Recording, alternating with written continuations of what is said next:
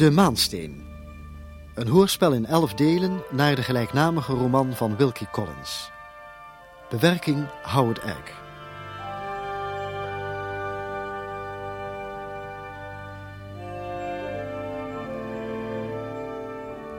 Tiende deel. De proef.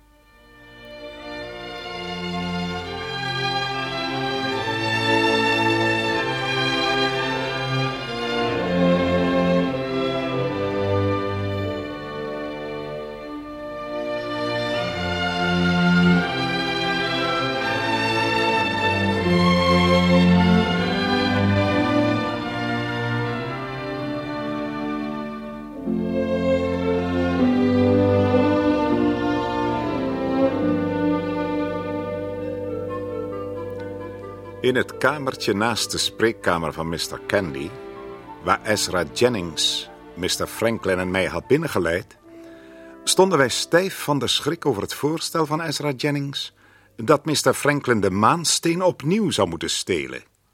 Maar deze keer in de aanwezigheid van getuigen aan wie niemand zou kunnen twijfelen. Ik zei dat het een gewaagd experiment zou zijn, Mr. Blake. Ik zal u direct uitleggen wat ik bedoel. U zei dat u enige tijd voorafgaande aan het verjaarsfeest van Miss Verne aan slapeloosheid had geleden. Ja, Heeft u daar vaker last van gehad? nee, ik heb tot dan toe altijd goed geslapen. Heeft u enig vermoeden wat daarvan de oorzaak kan zijn geweest? Nou, ik maakte mij zorgen over mijn verantwoordelijkheid aangaande die diamant, maar dat zou me toch echt niet uit mijn slaap gehouden hebben. En u weet geen andere oorzaak? Nee. Of, ja, ik herinner me nu dat Bedridge een mogelijkheid opperde. En wat was die mogelijkheid? Dat ik gestopt was met roken. Mooi. Was u een zware roker? Eh, nogal, U bent er plotseling mee gestopt. ja. Dan had Betridge volkomen gelijk. Als iemand gewend is veel te roken, moet hij een heel bijzonder gestel hebben als hij daar ineens mee kan stoppen zonder dat zijn zenuwen tijdelijk in de war raken. En dat verklaart uw slapeloze nachten. Maar u rookt nu weer, zie ik. Ja, helaas wel, ja. Als we ertoe overgaan dit experiment uit te voeren, moet ik u verzoeken uzelf het persoonlijk ongemak op te leggen door opnieuw het roken even plotseling te stoppen als toen. Ik ben bereid het nu al op te geven als u dat wenst. Dat is niet nodig. Ik zal u waarschuwen wanneer het zover is. Luister nu goed. Het is mijn bedoeling om de omstandigheden die u toen op dat bepaalde ogenblik in opwinding brachten, geheel of bijna geheel te doen herleven. Als wij in staat zijn om bij u dezelfde geestelijke en lichamelijke toestand te creëren als toen, en uw geest zich laten bezighouden met dezelfde problemen betreffende de diamant die u destijds bezighielden, en die dus bij u dezelfde zorgen op zullen wekken, dan hebben wij zo gezegd de juiste ansenering en zal de rest van u afhangen. Eh, kunt u mij volgen? Eh, ja, ja. ja. In dat geval kunnen wij er vertrouwen in hebben dat een herhaling van de dosis opium in meerdere of mindere mate hetzelfde resultaat zal opleveren. Bedoelt u, Mr. Jennings, dat Mr. Franklin opnieuw opium moet innemen? Dat bedoel ik, Mr. Betridge. Als het experiment tenminste kant van slagen wil hebben. Als ik u mag adviseren, sir, dan moet u het niet doen. Het zal mij geen schade berokkenen, Betteridge. Evenmin als de vorige keer. Gaat u door, Mr. Jennings. Er is nog een belangrijk punt. Het is noodzakelijk dat u op de nacht van het experiment in dezelfde kamer zult slapen als toen. Wij moeten precies dezelfde omstandigheden nabootsen.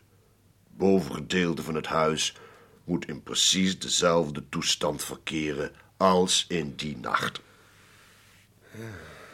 Ik kan niet inzien hoe dat te verwezenlijken is. Waarom niet, Mr. Blake? Nou, wat er tussen Miss Verinder en mij is gebeurd... is het onmogelijk om toestemming te krijgen in dat huis te slapen. Oh, juist, ja, ja, ja, ja. Eh, Mag ik u een delicate vraag stellen? Natuurlijk.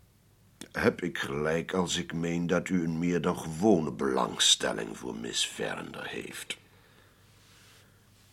U heeft het bij het rechte eind. Ik ben verliefd op haar. En beantwoordt zij die gevoelens? Dat heeft ze eens wel gedaan. Gelooft u niet dat Miss Verinder grote belangstelling zal hebben in deze poging om uw onschuld te bewijzen? Ja, dat denk ik wel. Nou. Maar zoals de zaken nu liggen, krijg ik haar niet te spreken. In dat geval zal ik, indien u mij toestemming wilt geven, zelf aan haar schrijven en haar over het voorstel vertellen dat ik u gedaan heb. En alles wat er verder tussen ons besproken is. Doet u dat in elk geval. Goed zo. Nou, dan zal ik haar vanavond nog schrijven. Maar u moet er wel op voorbereid zijn dat zij nee zal zeggen. En eh, wat moeten wij intussen doen? Gaat u nu naar uw hotel, Mr. Blake. Ik zal, zodra ik bericht van Miss Verinder ontvangen heb, contact met u opnemen. Als zij, zoals ik hoop, geen bezwaren heeft, dan kunnen wij over een paar dagen met ons experiment beginnen. Ik begeleidde Mr. Franklin naar zijn hotel. En daar ik voor het ogenblik van geen verder nut kon zijn, nam ik afscheid van hem en keerde naar huis terug. Om eventueel voorbereid te zijn, begon ik de kamer van Mr. Franklin in orde te maken. En verder bracht ik de bovenverdieping, zover ik mij kon herinneren, in dezelfde toestand als toen in die nacht. Als ze van plan waren dit experiment te houden, dan zou het niet mijn schuld zijn als alles niet klaar was. Maar werkelijk, van al de dwaze dingen die Mr. Franklin al in zijn leven uitgehaald had, was dit wel het toppunt. Een paar dagen later, toen ik net druk bezig was in huis, werd er gebeld en stond ik tegenover Mr. Ezra Jennings. Goedemorgen, Mr. Betteridge. Mag ik even binnenkomen? Ik wilde u even spreken. Natuurlijk, Mr. Jennings. Komt u binnen. Dank u.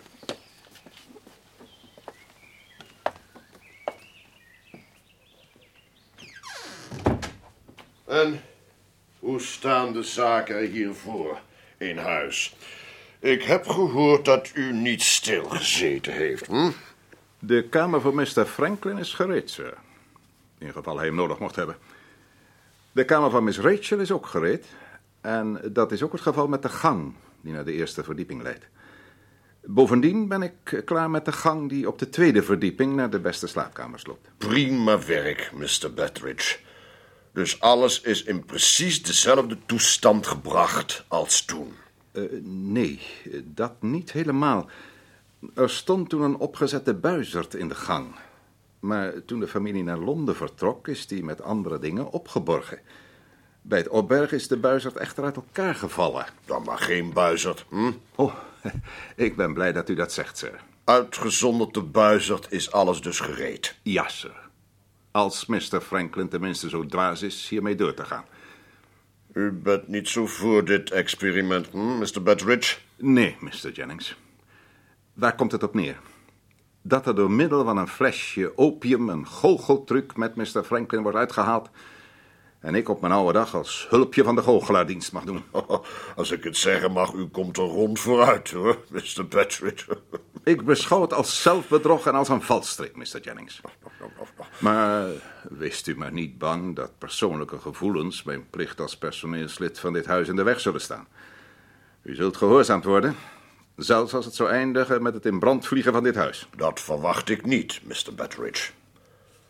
Laten we hopen dat wij in staat zullen zijn u ervan te overtuigen dat dit experiment wel heel wat belangrijker is dan een goocheltruc. Zien doet geloven, sir. Juist, ik hoop dat u het zult zien.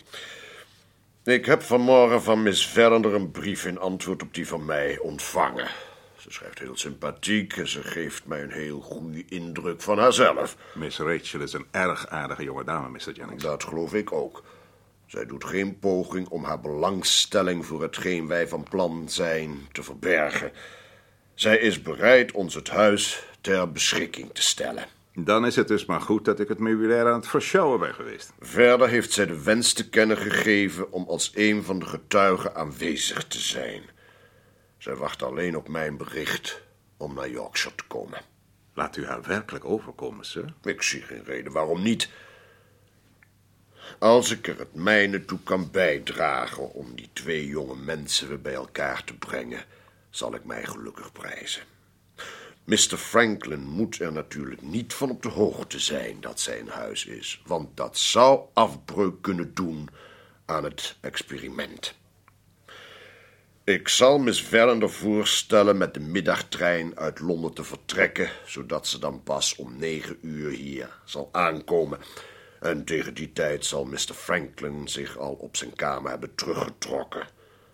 Na afloop kan het geen schade doen als zij tezamen met ons het resultaat van de proef gadeslaat. Wanneer gaat het gebeuren, Mr. Jennings? Wij hebben het vastgesteld op vandaag over een week. Mr. Bruff en brigadier Cuff zullen de andere getuigen zijn. Wij zullen hier die avond gezamenlijk dineren met uitzondering van Miss Verinder. Ik vertrouw de noodzakelijke voorbereidingen aan u toe, Mr. Bettridge. Nou, verder hoef ik niets meer te zeggen. Goedemorgen dus. Hm? De volgende zes dagen waren de langste die ik mij kan herinneren. Maar eindelijk brak de maandag aan en het gezelschap arriveerde.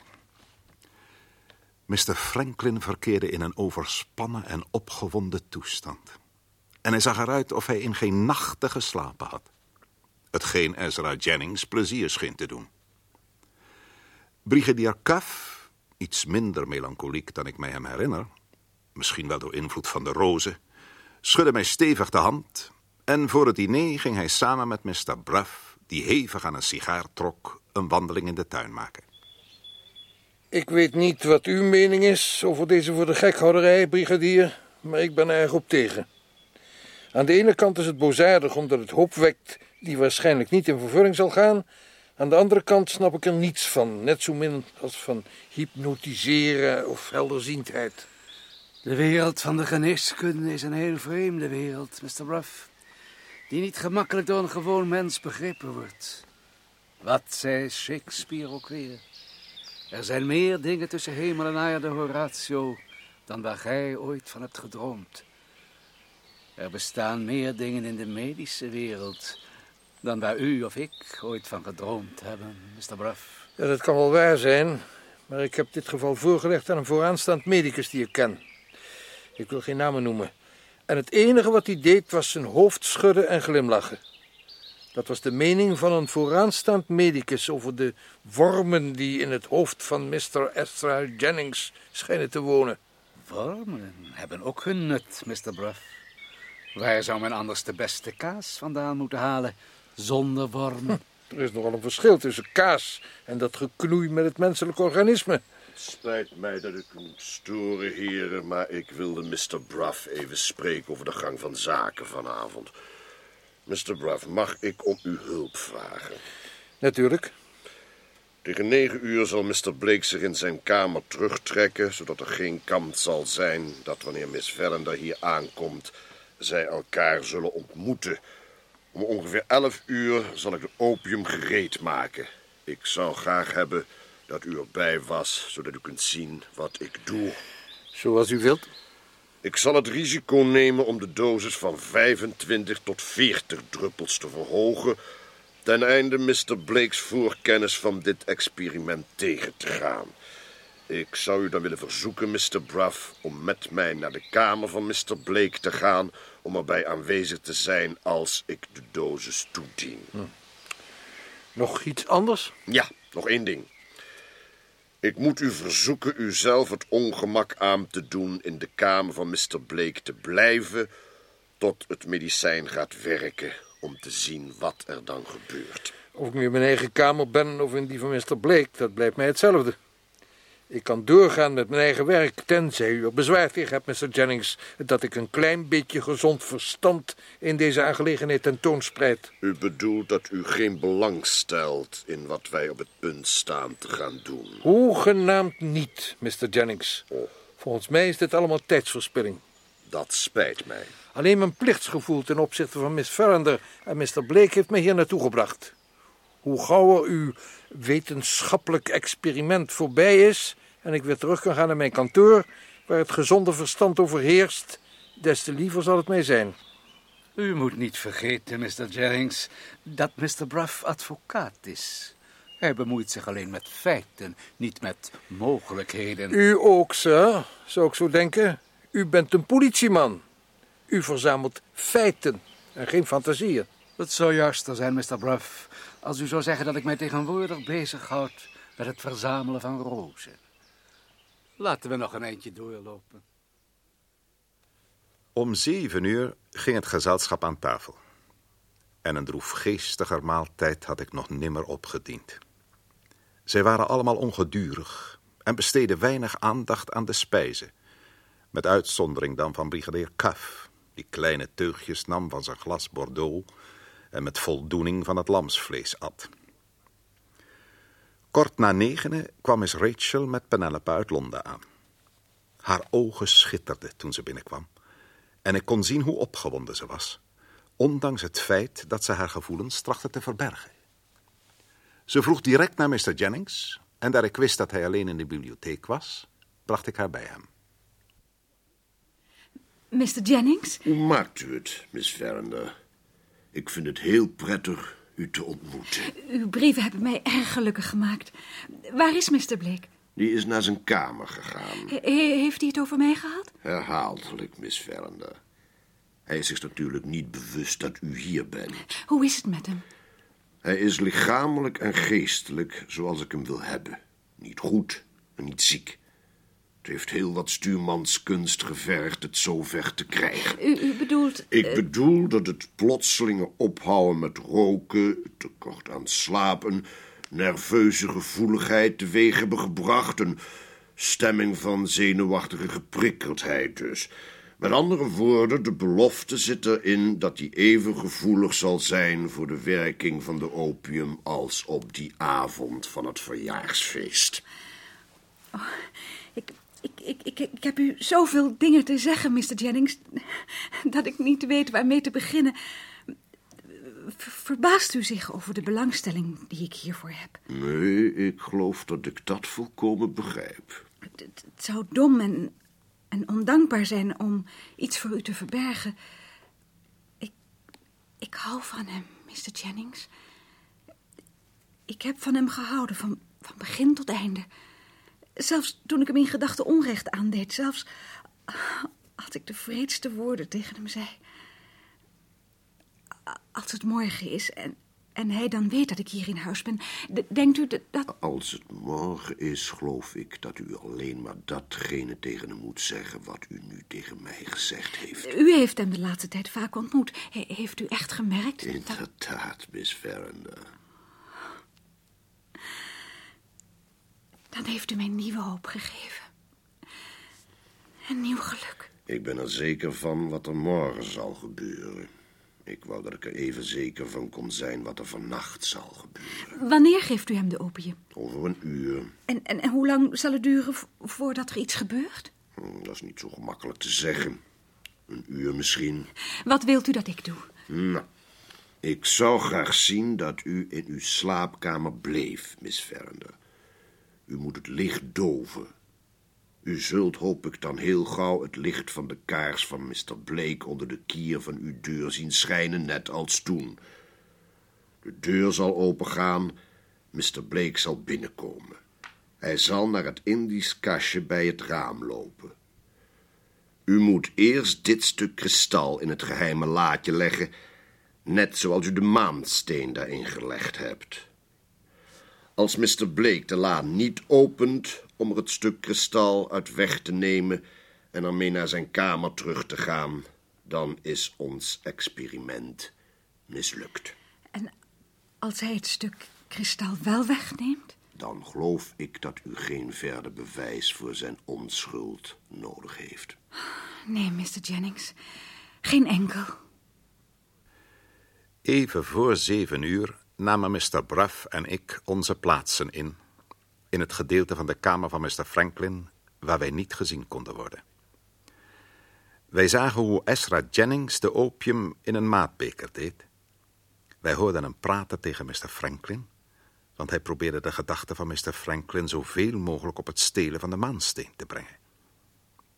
Wij zagen hoe Mr. Franklin zich rusteloos op zijn bed bewoog en tenslotte hoe hij de opium innam. Toen wachten wij. Een heel uur lang. Opeens begon hij zich te bewegen, terwijl de transpiratie op zijn gezicht verscheen. Hij begon te mompelen, toen te praten, zodat we hem duidelijk konden verstaan.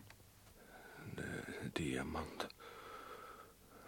De diamant, ik heb hem hier gebracht. Ik ben verantwoordelijk. In de bank was hij veilig. Daar had ik hem moeten laten. Het is niet veilig hem hier in huis te hebben. De Indiërs zijn er vanavond geweest en zij hebben hem gezien. Zij zullen terugkomen. Ik moet hem wegnemen, ik moet hem wegnemen. Plotseling wierp hij de dekens van zich af en stapte uit bed. Hij stak de kaars die naast hem stond aan en zijn ogen glinsterden koortsachtig in het licht daarvan. Hij nam de kaars in zijn hand en liep langzaam naar de deur. Mr. Jennings gaf ons een teken om stil te zijn en wij trokken ons in een hoek van de kamer terug en wachten. Mr. Franklin draaide de deurknop om en het volgende ogenblik ging hij snel en geluidloos de kamer uit. En, Mr. Bruff, nog steeds zo sceptisch tegenover? Ik weet niet wat ik ervan zeggen moet. Het is buitengewoon. U hoorde hem praten. U hoorde wat hij zei. Het veiligstellen van de diamant was de overheersende impressie van zijn hersenen voor hij de opium dronk. En die impressie werd honderdvoudig versterkt. Als Miss Verlander nu maar in staat is haar gevoelens te beheersen. Miss Rachel zal u niet in de steek laten, sir. De minste beweging van haar, het minste geluid. En we zijn er niet zeker van wat er kan gebeuren. Luister. Was dat een deur die openging? De deur van Miss Rachel's kamer. Dan hebben we waarschijnlijk succes. Alles zal van de eerstvolgende minuten afhangen. Wij hielden onze adem in en wachten. Het scheen een eeuwigheid te duren. Toen hoorden wij de deur van de kamer van Miss Rachel dichtgaan en zagen wij het licht van de kaars in de gang naderbij komen. Het volgende ogenblik stond hij in de deuropening. Hij hield het stuk kristal in de palm van zijn hand en staarde ernaar. Plotseling viel het en rolde over de grond.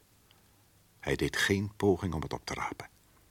Hij keek ernaar met een nietszeggende uitdrukking in zijn ogen, alsof hij er niet zeker van was wat hij nu moest doen.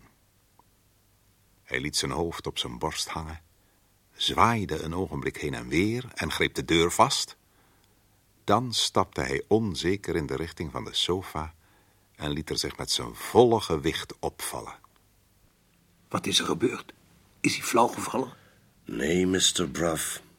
Het is de kalmerende werking van het medicijn. Hij slaapt. Onze proef is ten einde.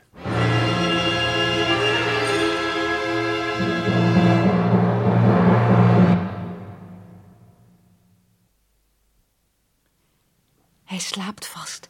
Ik heb hem toegedekt met de sprei. Heeft hij daar hinder van, Mr. Jennings? In het geheel niet, Miss Verlander. Hij zal waarschijnlijk de eerste zes of zeven uur blijven slapen.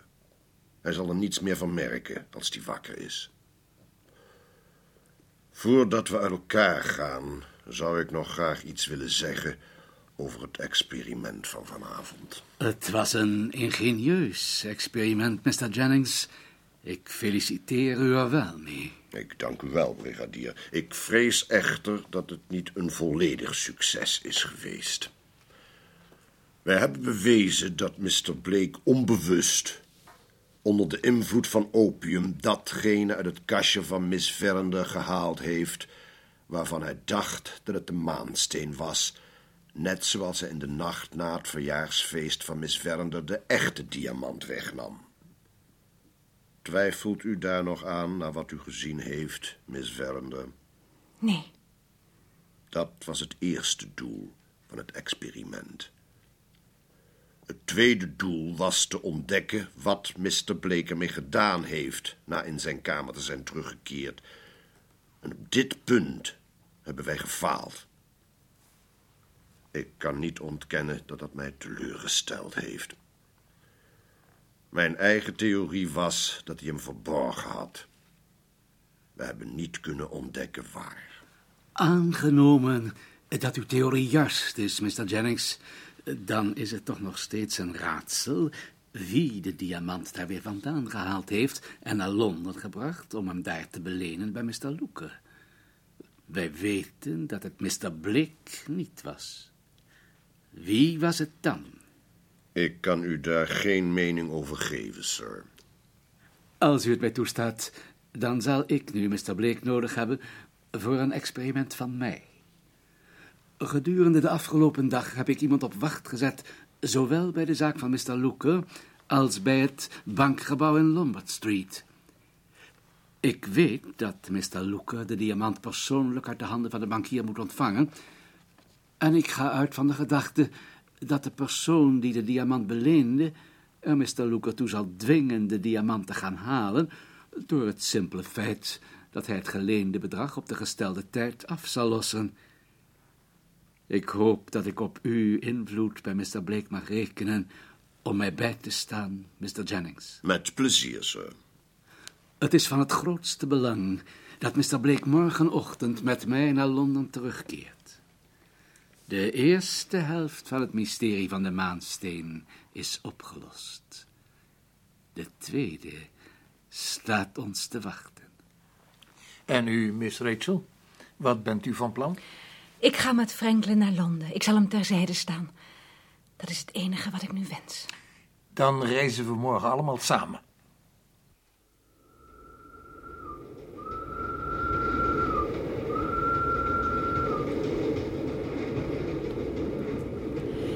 Eindelijk. De eerste daken van Londen. Ben je blij ze weer te zien? Ik ben blij dat ik ze met jou zie. Liefste Rachel. En de zon schijnt. Kijk eens. De dag lacht ons toe, lieveling. Over tien minuten lopen we het station binnen.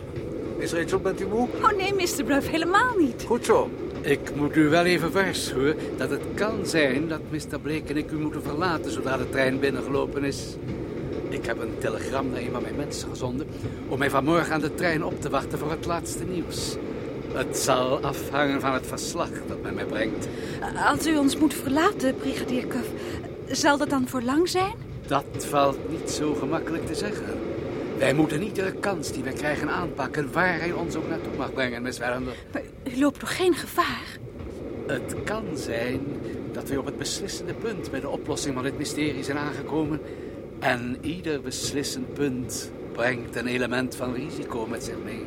Oh, ik hoop dat dat dit keer niet het geval zal zijn. Ik ook, Miss Verender. Als dat zo mocht zijn, dan zult u Mr. Blake en mij over enkele uren weer terugzien.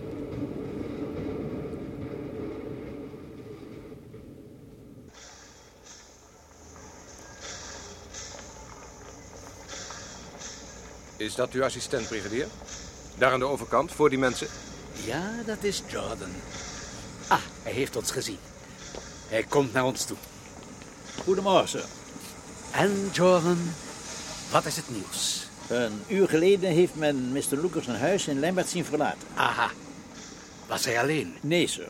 Hij had twee andere mannen bij zich. We hebben ze herkend als politie en burger. Ze namen een huurrijtuig en reden weg in de richting van de city. En wat is jouw mening hierover? Ik denk dat Mr. Luker op weg ging naar de bank, sir. Dat denk ik ook. En hij is zo verstandig geweest zich door een escorte te laten begeleiden. Je hebt toch een wacht bij de bank geplaatst, nietwaar? Ja, sir. Zowel binnen als buiten. Roep dan een rijtuig. Uh, goed, sir.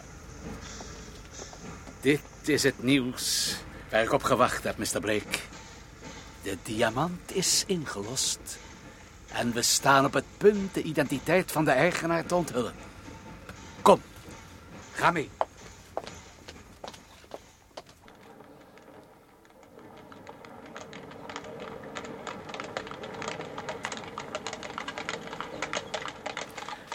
Ga daar in dat portiek staan, Mr. Blake. En houd de overkant in de gaten. Als u een verdachte figuur ziet, geef me dan een teken. Goed. Sir. Ja, wat is er, Jordan? Ik heb net eh, Stevens gesproken. Mr. Looker komt direct de bank uit. En zijn escorte? De twee politiemensen wachten in het bankgebouw. Brigadier. Ja? Wat voert die man daaruit aan de overkant? Kijk, die daar met de jekker aan. Naar zijn baard te oordelen lijkt het hem een zeeman. Hou hem in de gaten. Daar komt Mr. Looker de deur uit. Kijk wat hij doet.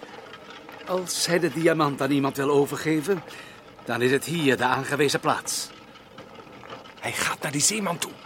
Neemt u mij niet kwalijk, sir, maar weet u misschien ook of dit Lombard Street nummer 53 is? Het spijt mij, ik weet het niet. Die nummering hier in de straat is erg verwarrend. Ik loop nu al twintig minuten te zoeken. Uh, Jordan, ik kan niet zien wat... Wat, wat zegt u, sir? nee, ik, ik had het tegen mijn vriend hier. Oh, pardon, neem me niet kwalijk. Ik had het niet in de gaten. Heb jij het kunnen zien, Jordan? Niet al te best. Die man stond me net in de weg. Mr. Looker heeft iets aan die zeeman gegeven. Ik zag dat. Ja, waar zijn die politiemensen in Burger? Hij schijnt ze weggezonden te hebben. Hij loopt nu door. Vlug. Volg die andere man, Jordan. De zeeman. Verlies hem niet uit het oog. Daar pas ik wel voor op, sir. Hij roept een rijtuig aan. We hebben geluk. Als hij hard doorgelopen had, was hij misschien in de menigte verdwenen... en waren we hem voorgoed kwijt. Het rijtuig stopte hem. We hebben hem te pakken, Mr. Blake. Waar de achtervolging ook heen leidt. Aan het einde ervan zullen wij de maansteen vinden.